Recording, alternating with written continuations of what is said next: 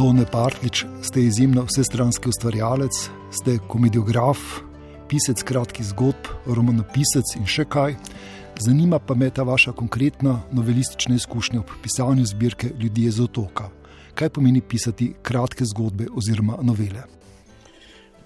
Ja, če, če sem sposoben pogledati malo z distanco na to, kar počnem, bi rekel, da zdaj res že dolgo nisem avtor komedije. Pa še eno bom mogoče napisal, ali pa tu za kakšne skupine eh, kaj naredim, ali pa prirejam stare igre, ker so nekatere nastajale v samopravnem socializmu, recimo ščuke, ne, pa jih še kar igrajo, pa se mi zdi, da moram vzeti ponovno v roke. Potem sem pisal nekaj časa rad, kratke zgodbe, tudi zdaj mi bo išla malo ena knjiga, oziroma prihodnje leto, eh, kratki zgodb, da menjene otrokom. Sicer je skrajno resna, otroci med vojno, ampak je namenjena otrokom. Ko sem pa zdaj v, v penziji, pa se mi zdi, da imam nekaj več časa, pa sem napisal nekaj romanov, vsaj dva ali tri. In eh, najbolj se mi je najbrž posrečal, mi vsi rečejo Sebastian in Most in še kaj mogoče. Eh, in sem dobil pravo veselje z tako formo, ko imam dovolj časa in lahko desetine ali pa stotine ur presedim za mizo. Eh, naj zveni kakorkoli domišljavo ali pa presamozavestno, sploh ne govorim o vrednosti izdelka, potem ali pa kam se eh, uvršča, pa na kje, na kateri spetini parnasa umahnem, pa grejo drugi odlično naprej. Ne govorim o tem, se tu vsega tega zavedam. Ampak, ko imam desetine oseb, pa sem nastavil njihove osode, pa bi rad razložil, kaj zvem, Maribor, pa Mariborčani na eni strani dveh nacionalnosti, takrat na drugi strani pa en železni most, ki je že zdaj sto let star, kaj se je s temi ljudmi dogajalo, se počutim mater dobro. Jaz sem tisti, ki sem jim dal imena, si jih izmislil, jih zdaj vodim in čutim sicer grozno odgovornost, ampak kot rečeno, če bi se ukvarjal s tem, ali je to zdaj zelo dobro, je po mojih najboljših močeh. Kaj pa objektivno pomeni, s tem pa se mi zdi, da ni več moja naloga in se počutim dobro, če sedim. In ker ste me vprašali o ljudeh z otoka, sem zelo, zelo rad slišim, če me, ne če me kdo pohvali, ampak ni dva, tri ljudje, ena gospa je pa celo napisala, mislim, da v sodobnosti, da ko knjigo prebereš, imaš vse ne vtis, da si prebral roman. Ker se v vseh zgodbah pojavljajo bolj ali manj tudi iste osebe, isti kraji, vendar so pač usode posameznikov zelo drugačne. Tako da jaz sem se bal, da ne bom zbral dovolj moči, ali pa da ne, ne bom rekel talenta, da bi to povezal v romaneskno eh, zgodbo. In sem se rekel, ne bom na silo nekaj delal, jih bom opisal, kljub temu pa si upam reči, da je teh osem novel eh, na nek način eh, roman tega otoka, če mal domišljavo rečem ko ste že omenili domišljavost, me zanima tudi tole. Imate morda neke vrste božji kompleks?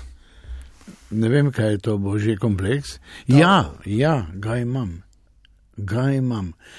Ko je ura pol enajst zvečer in je tudi na ulici mir, žena gleda televizijo ali pa je kje mal zaspala, jaz pa notri kreiram in se počutim, mogoče sem to kdaj rekel, doma sem že rekel, mater se počutim kot Bog, ki ustvarja pokrajino ljudi in tako dalje. E, nikoli tega prej nisem na ta način čutil. Ampak naj obenem rečem, pa naj zveni kakorkoli, čutim tudi velikansko odgovornost. Večjo kot kdajkoli prej, mogoče glede na starost, ampak po drugi strani se mi dogaja, sem napisal en roman pri Mariji Snežni zvoni, kjer ena nezakonska mati naredi samomor, se obese na enem drevesu, kar mi je pripovedoval na neki ribiški ladji in človek iz slovenskih goric, pravi, o meni bi morali napisati. Moja mama se je obesla tam eh, na Britofo in ko je padla, z, z glavo razbila, eh, so ženske mene potegnili še iz nje, pa sem živ. In sem to zdaj čez neke druge razmere, sem ta detajl sem si zapomnil, ker sem jih zelo grozljiv. Ne? In zdaj me kličajo, zdaj me kličajo z pokopališča na Mariji Snežni, kakšna učiteljica, to nam je smo še na ekskurzijo in bi rade videli njen grob. Pa ji rečem, pa kaj učila si slovenščino, pa mi to praviš. Vse pa meni, da veš, da pisatelji imamo eno, eno je realna realnost, eno je pa literarna. Kaj ni res, ni tam pokopala, mi smo pa avtobus plačali. In še eh, v Sladkem vrhu imam podobno izkušnjo, sem napisal scenarij za film Vdovstvo Karoline Žašler. Gospa je v filmu nima otrok, v resnici je imela dva otroka, ki sem jih učil, uh, umrla je popolnoma drugače, ampak ko pridem na Sladki vrh, pa pripovedujejo usodo te ženske, ki se je tudi drugače pisala, pa zdaj vsi pravijo žašerca, govorijo mojo vsebino, ne pa resnico, ki če bi se mal skup vzeli, bi jo takoj spoznali. Kar mi vseeno nalaga eno veliko odgovornost. Ob vsej tej svobodi, da kreiram po svoji volji, poleg eh, oblikovnih in literarnih normativov, ki tudi so, eh, čutim še neko etično dodatno breme, ko to delam. Mogoče je to res, da ima tudi nekdo, ki ustvarja večje stvari. Če ste to mislili z božjim kompleksom. Tako nekako, ja. To razmerje je zelo zanimivo tudi za vašo novelistično galerijo Ljudje za otoka. Namreč zanima me to razmerje med zgodovino in literaturo. Kaj ti občutek imam, da ste se v veliki miri navezali na pripovedi teh ljudi z tega otoka, potem šli ste tudi v časopisne arhive, pogovarjali ste se z ljudmi. Skratka, imamo občutek, da je neka vrsta pričevanska razsežnost v tej zbirki zelo pomembna. Je eh, skoraj eh, nekaterim osebam stranskim, ki jih opisujem pozitivno, čeprav izrazito negativne osebe najbrž ni eh, v tej knjigi.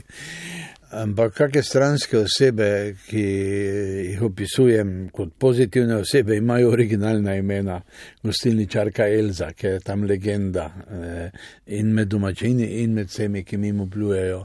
Ena gospa Katina, ki se je vrnila iz Amerike in je o svojem možu vse čas govorila, nobene, niti thank you ne reče, ne, ni, ni, ampak o možu pa govori, je bil bučer, ne, da je bil mesar, nis, nisem bila lačna, ker je bil mož bučer, e, fina gospa, torej nekaj takih originalov sem postil prava imena. Tudi ravno kar mi je ena mlada gospa rekla, ravno berem vašo knjigo, ravno zdaj sem prebrala, vi boste točno vedeli, zakaj gre za drugo novelo Željka. V moji noveli se zgrudi, ko gre sama čez otok, ker je že toliko stara, pa ker preveč gara. Jaz sem pa rekel, da je tudi od trpljenja je počelo srce. In ko sem te mlade ženske rekel, zdaj sem bil ravno na otoku prejšnji teden in sem jo srečal jo je skoraj kap zadela, kako se reče, če pa je umrla v noveli. E, pomeni nekaj istočnica je, res, e, ravno v tem primeru te tako imenovane želke, ki je sedaj ime drugače, je res, da so tam eni, eni ženski, ki jo imajo vsi mal za. Ne, ne vem, kako se to sploh reče, retardirano ali kaj, ampak na zunaj ne kaže, eh, ki so ji odzeli otroka ob rojstvu na, v, v bolnici v reki. Zdaj živi sama, veni, že zdaj v slabem stanju v hiši, sama v eni hiši. Zdaj že tudi v leti, ima še 60 let. Jaz sem pa bil tam, ko so povedali, da je noseča, čeprav je nisem videl takšne. In potem sem vprašal, kje pa ima zdaj otroka, ta nezakonska mati in samska. Eh, so rekli, ne, so jih vzeli v bolnišnici. Čeprav sem tako pred dvema letoma v časopisih in po televiziji eh, videl in bral, da je res bila neka naveza, da so jemali dojenčke in jih spravljali neki mafiji v Beograd, ki jih je prodajala po svetu. In čistlak bi bilo, da se je tudi z njenim otročkom tako zgodilo. Vpliv za to, da so starši se na koncu za to odločili, je imel župnik, na otoku ni duhovnika ker je premalo 40 ljudi, včasih po zimi, saj je v bistvu je zapisanih 90 ali kaj. Ne? Ampak je, jaz 40 ljudi, če je po zimi na otoku, eh, eh, ki jim je to svetoval. Na otoku so ljudje, nad, nisem še srečal ene en skupine ljudi, ki bi bili tako verni ki bi jim Bog pa eh, krščanske vrednote toliko pomenile. V nedeljo grejo vsi k maši, tudi župnik želi, da pridejo, da jih prešteje, da ne bi kak star človek, bova še nekaj rekla o tem, da so tam zelo stari ljudje, so izjemne starosti doživijo, da jih preštejejo, pa da imajo kontrolo, da kdo ni nekje, ki je sam starec v kakšni eh, kolibi umrl, pa ne vejo. Ne? Otok je zanimiv tudi potem, ker je, je, je crkva to novo. Ena crkva je bila že v 11. stoletju, je tam izkopano na drugem mestu, kar pomeni, da so bili neki prebivalci, ki so bili kristijani. Govori se, da so bili Hrvati z obale. Novo crkvo pa so otvorili leta 1902 in v crkvi je tabla, to crkvo je blagoslovil krčki eh, škof Anton Mahnič ki je bil premeščen iz Gorice na otok Krk in on je še danes junak in legenda v tistih krajih. Kakor je pri nas zapisan slabo, ampak bolj iz literarnih razlogov, pa dogmatik je bil in je tudi povzročil, on je bil prvi, ki je rekel, imam reči, vse veste, italijanskega pravega vernika kot slovenskega liberalca. Tavčar pa mu je hitro rekel, rajše imam tirolskega liberalca kot slovenskega klerikalca. In nekateri tudi tu vidimo začetek tega razkola, ki je še danes živ. No, tam pa je veliko pomagal ljudem, jih opozoril na glagolico in tudi oni predlagajo, da bi bil imenovan za svetnika. Po vojni je veliko pomagal ljudem v zapori z denarjem, eh, same pozitivne legende, pa smo potem se do neke knjige dokopal, ki je v Ameriki išla in je, bi rekel, potrjeno. No, ljudje so zelo verni in tudi to je po mojem vplivalo. Jaz pa jo vidim zdaj to gospo, v kateri sem, zato sem se odločil, da bom napisal zgodbo, kako sedi na neki klopi pred trgovino, zdaj sploh, ker ni nobena gostilna odprta, sedi, gleda v tla. Ne bi mogel reči, da je zelo lepa ženska, ne morem pa reči, da, da, je, da je grda ali kaj takega. In gleda v tla in grem tri ure kasneje mimo, pa še zmeraj tam sedi in gleda v tla. In si mislim, da ja, nekaj ja gre po glavi. Sem si pa mal zmislil, da leti k vsaki ladji, ko pridajo dijaki na maturitetni poti mimo, pa išče tam njena deklica ali ne. In tako je za vsako osebo bi lahko neko oddaljeno Ves čas govorite o otoku, brez imena. Imate otok ime, zakaj ste izpustili kot avtor ime? Jaz sem se bal, da bodo do knjige prišli in iskali svoje imena, in vsi govorili, ni bilo tako, tako je bilo, pa eh, kaj. Čeprav zdaj vidim, se ve že na otoku, da sem napisal knjigo in bi rekel takole, ampak to je samo moj, moj vtis. Nekateri me vprašajo, ker hodim že skoraj 40 let, ja, a so te sprejeli za svojega. In vedno odgovorim, da absolutno ne. Da mi dajo roko, s kom se mogoče tudi objamem, to do srca nimam nikoli občutka. Zlasti, če kaj sprašujem, kar bi bilo delikatno, Reče, mene nije bilo tada na otoku, sem bila v Rijeci. Leta 1953 se je zgodil umor na otoku, pa še takrat nisem točno vedel, pol sem zvedel med pisanjem. Pa to je tudi za pisatelja malo znemirljivo, ne? na tak majhnem prostoru. In nišče ne ve nič. Vejo, da je bil, da je ženska žensko, ali ne znam, verovatno ljubomora, ne, mene ne, ne je, jaz sem bila premalena, nešto sem čula. Ne želijo zlasti v negativnih stvareh, ne izdajo tudi v tistih, ki se med seboj ne marajo, ne bo nišče rekel To je pač moja, moja izkušnja. Že nekako zaradi tega, ampak zdaj so izvedeli in eh, gospod Marko, lah, lah, eh, da, da, da jaz zgubim prave kriterije, meni se zdi, da me nekako imajo rajši. Prej so bili, prezni ovaj piše, čuvaj se, nemojmo nič reči, in tičeš se nači v knjigi. Zdaj pa on ve za njega, kaj je slabega storo, jaz tako ne vem. Ne? Zdaj pa se mi zdi, da so nekako, se, se mi zdeli bolj prijazni z menoj. Nihče še ni mogel prebrati. Zanimivo, zelo zanimivo. Za vsako zgodbo je nek resničen dogodek. Je ena novela Nemška mama ne? na tem otoku, čeprav je bila napeta situacija med drugo svetovno vojno, zato ker so proti koncu vojne, po italijanski eh, kapitulaciji, so Eh, zavezniki premišljali, kako bi prišli do Italije in na Sicilijo in tam na Škoren, ampak tudi to je bilo italijansko, seveda, eh, ker tam ni šlo, so tudi tu poskušali in so Nemci naredili močne postojanke v Lošenju, pa še kje. Celo z letali so nadzirali. Eh, posod pa piše, otok je bil izuzet iz tega. Kljub temu je padel en nemški vojak in meni se zdi, en je bil ranjen, en pa je takoj padel, umrl eh, partizani, ki so prišli z Oliba. Znašli so se na otoku, ne da, ne da bi načrtovali.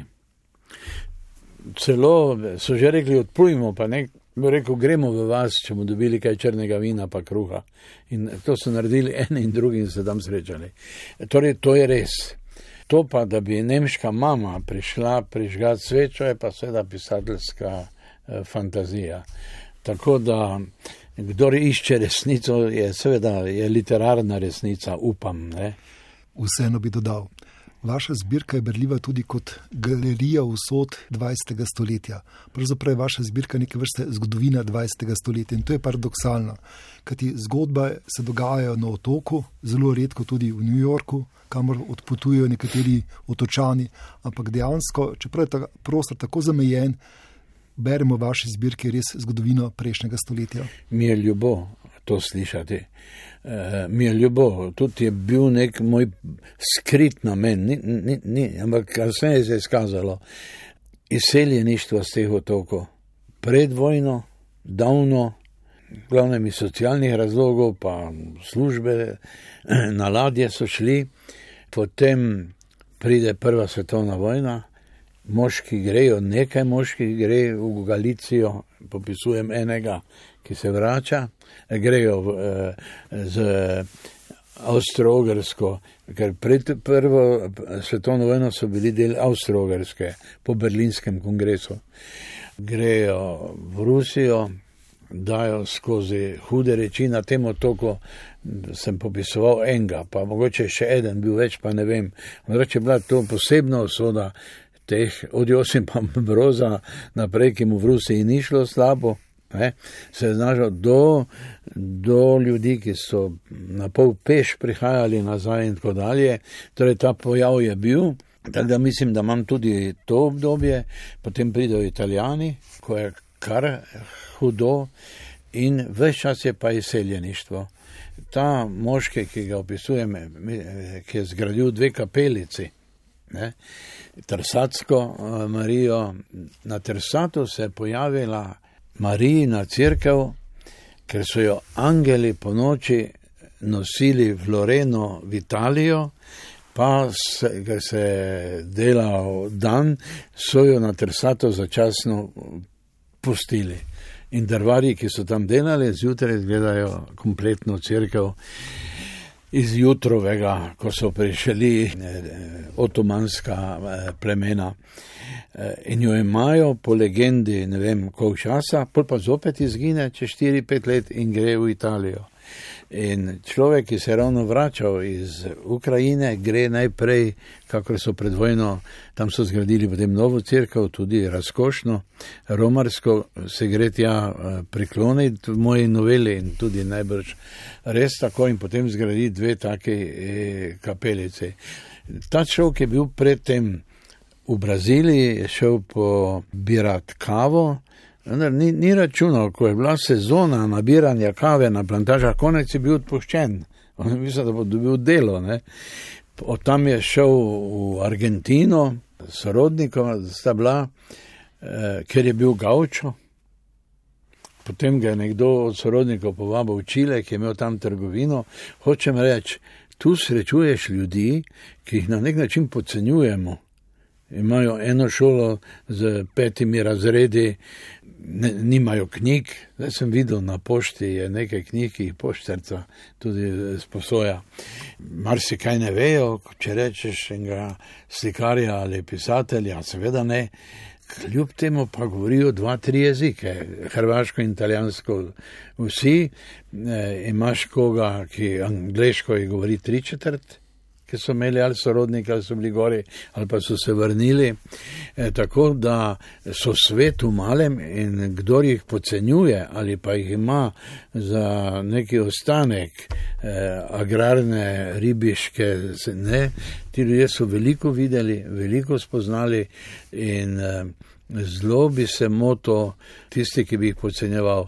Tudi zdaj to vračanje, mene je šokiralo, ko sem bil prvo leto 38 leti sem zgodaj zjutraj vedno vstanem, ne glede, da sem tam pač ribe loviti, takrat čez obale in srečam eno črno upognjeno gospod s palico, ki je sama gre po edini eh, glavni ulici ob morju. Je ena ravna ulica, paralelna z obalo, kilometr vse skupaj, cela vas dolžine, in mi reče: Ej, dečko, sutra več biti na Manhattnu. Pa sem bil siguren, da se je nekaj pripeljalo, ampak kaj bi se Manhattan na otoku, najmanjšem v eh, rečkem arhipelagu. Kaj, kaj, kaj. In potem rečem tisti gospodinji, ker sem stanoval. Veš, kaj mi je ta stara gospa čez cesto rekla, da bo na. Je rekla, ja, ja, ja, gre nazaj v Ameriko in ba je, imajo ravno na Manhattnu v neke vrste koncesijo, recimo na dveh žele, postajah podzemne železnice za čiščenje. Jo Hrvati čistijo iz teh krajev. In tu rečejo, če te pot zanese v Ameriko, pa nimaš, pa boš ostal v New York, pa boš ostal zunaj, pa nimaš hrane, pojdi na Manhattan, na tisto postajo, pa poišči nekoga, ki čisti, pa pove, odkot si in te za 4-5 dni poskrbijo za te, se govori na otoku. Ne, ne e, e, ti, e, nisem s tem namenom pisal, ampak se bi zelo bi pritegnil temu. Je, posredno druga svetovna vojna prisotna, prva svetovna vojna, o kateri se veliko govori, še tako je bilo stara Jugoslavija. Je Eh, ker je veliko moških padlo v prvi svetovni vojni, nekaj so bile te grozne bolezni, eh, potem so bile na vasi ženske s kmetijami brez in so vabili te ljudi z otoka naj hodijo delati. In oseba, o kateri govorim, svoje proze je tudi v Međimurju bil pet let da je na zemlji delal, pa pošiljal kruh. Lahko ta je pa je bila veliko krat taka, da mi je gospodinja, ta stara, ki je seveda ni več, mi je rekla, znaš to nekaj, sem prala posod že v moro, tako sem bila gladna, da sem padla v morje od nemoči. Ne. In mi pravijo, da so iz zborovih storžev, je pa je tudi nekaj takega, kot v želodu, pa v žiru, ne da bi jaz vedel, da so nekaj ven pobirali. Tako da so vse dali skozi, na nek način se pa dramatično izgoščeno, ker jih je malo, vidi to, kar ste omenili, situacija uh, v svetu. Omenili ste, kako so domačini nekako sprejeli to vašo knjigo, še preden so jo prebrali, da ja. domnevate. Ja. Tudi jaz imam občutek, da imate te ljudi radi.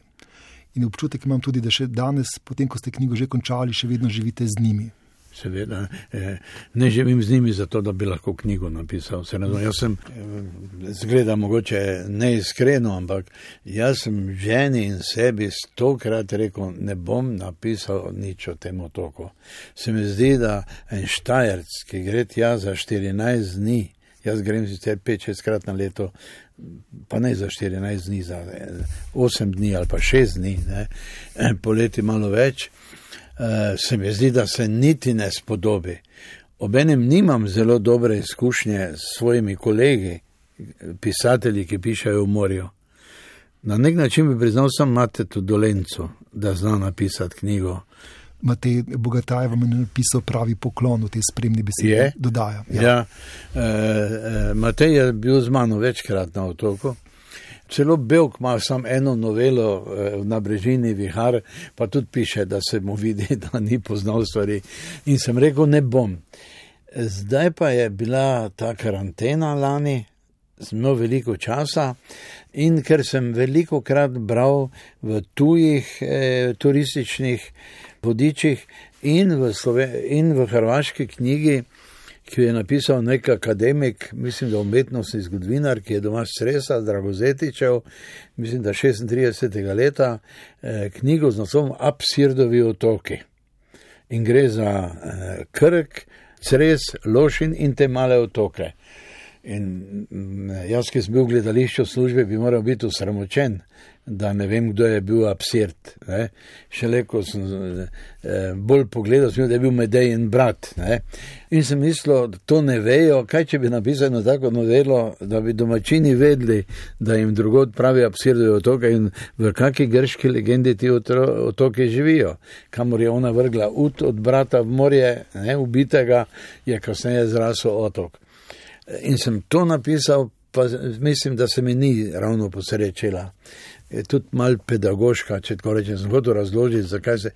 Potem sem pa napisal želko, drugo, ki me srce boli, ko jo srečujem. Je še čudež ta gospa. Se upravičujem, gospa Željka, oziroma gospa, ki je služila kot eh. model, ve, kako konča v vaši noveli? Ne, ona ne ve, da sem jaz pisatelj, po mojem. Tudi če bi vedela, ne vem, če bi se znala predstavljati, kaj je.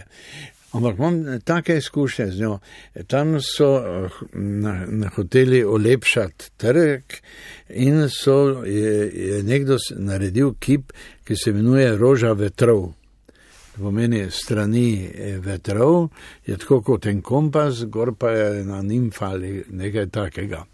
Je, je pa zmanjkalo denarja že za prevoz od ne vem, v, na češkem je nekdo delal.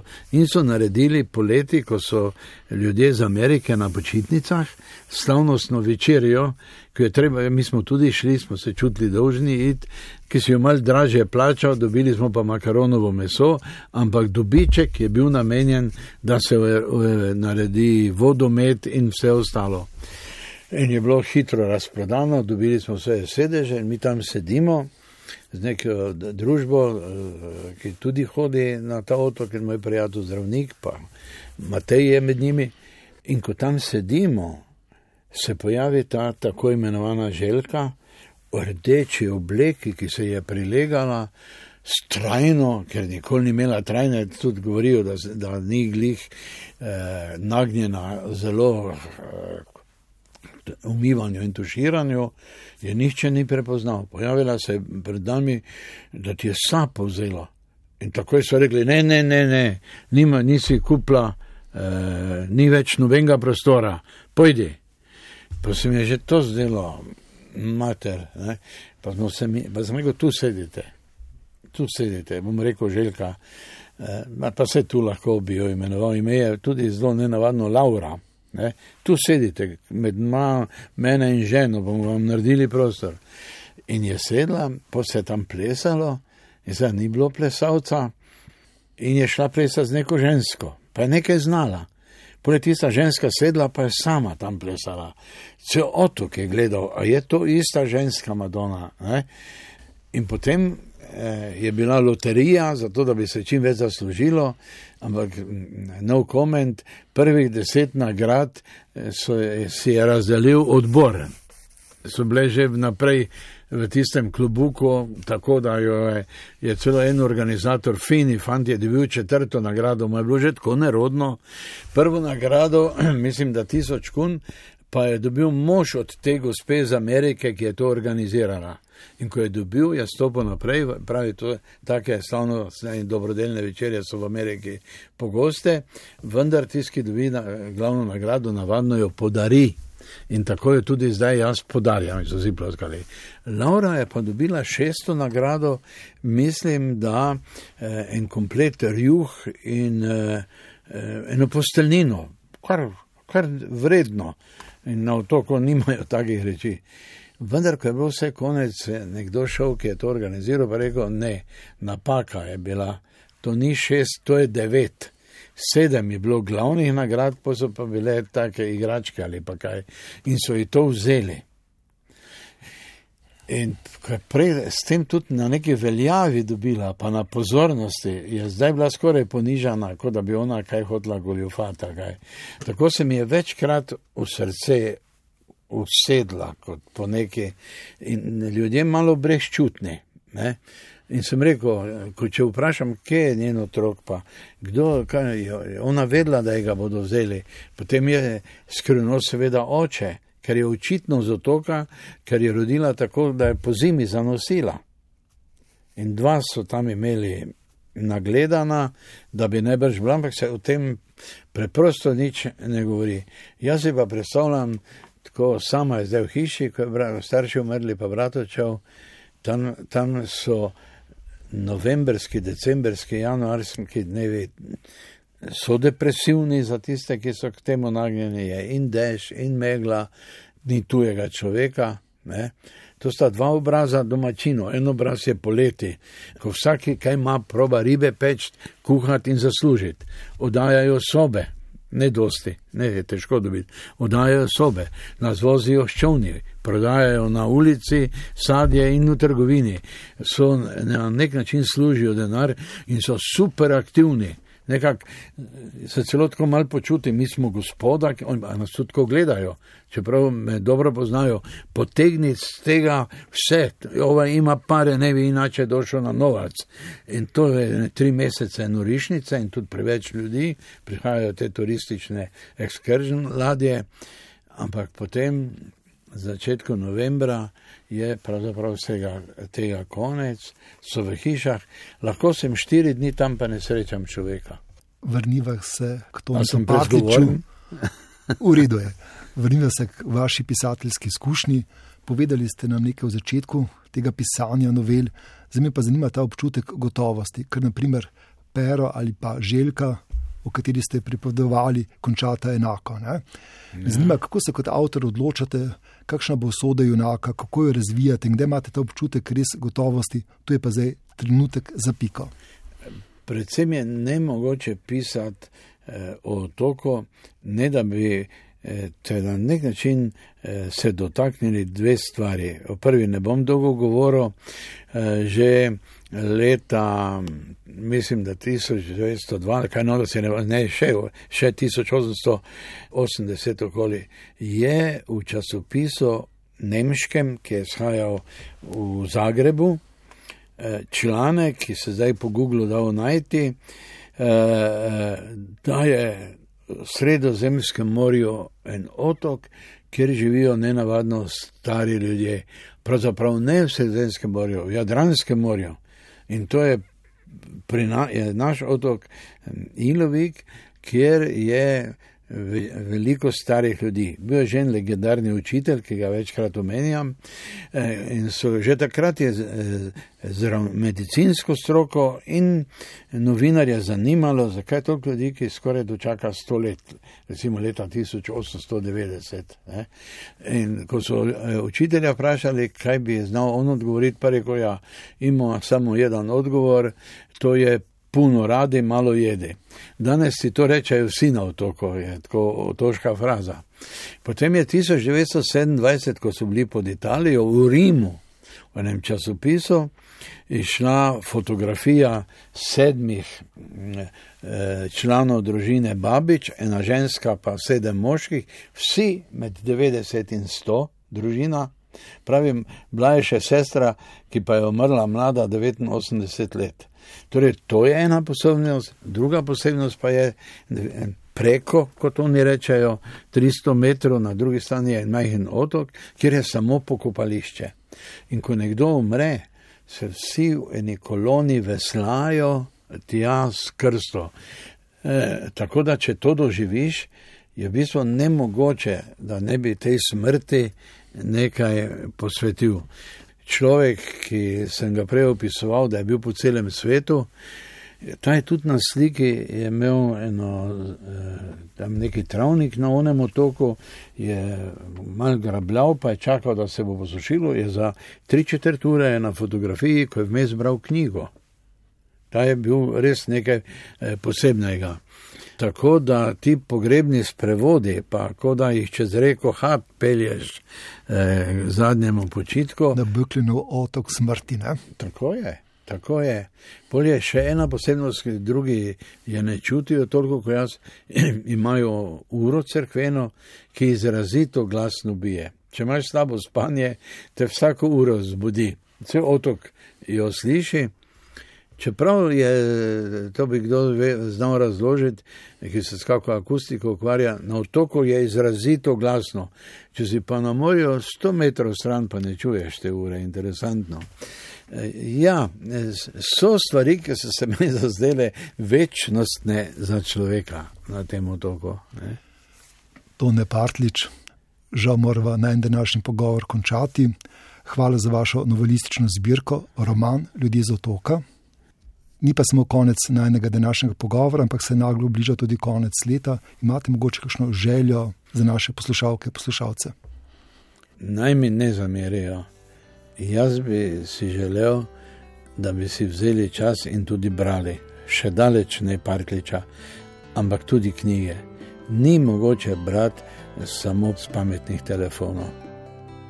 Je treba vzeti od časa do časa knjigo v roke in bodo potešeni in zadovoljni, če bodo vzeli pravo knjigo. E, sicer pa bi čestital vam in vaši redakciji. Program Ars je moj najljubši program, pa vse veste, nisem kak intelektualec. Nisem kak intelektualec, ki bi v knjigah pisal ali pa zgodovini.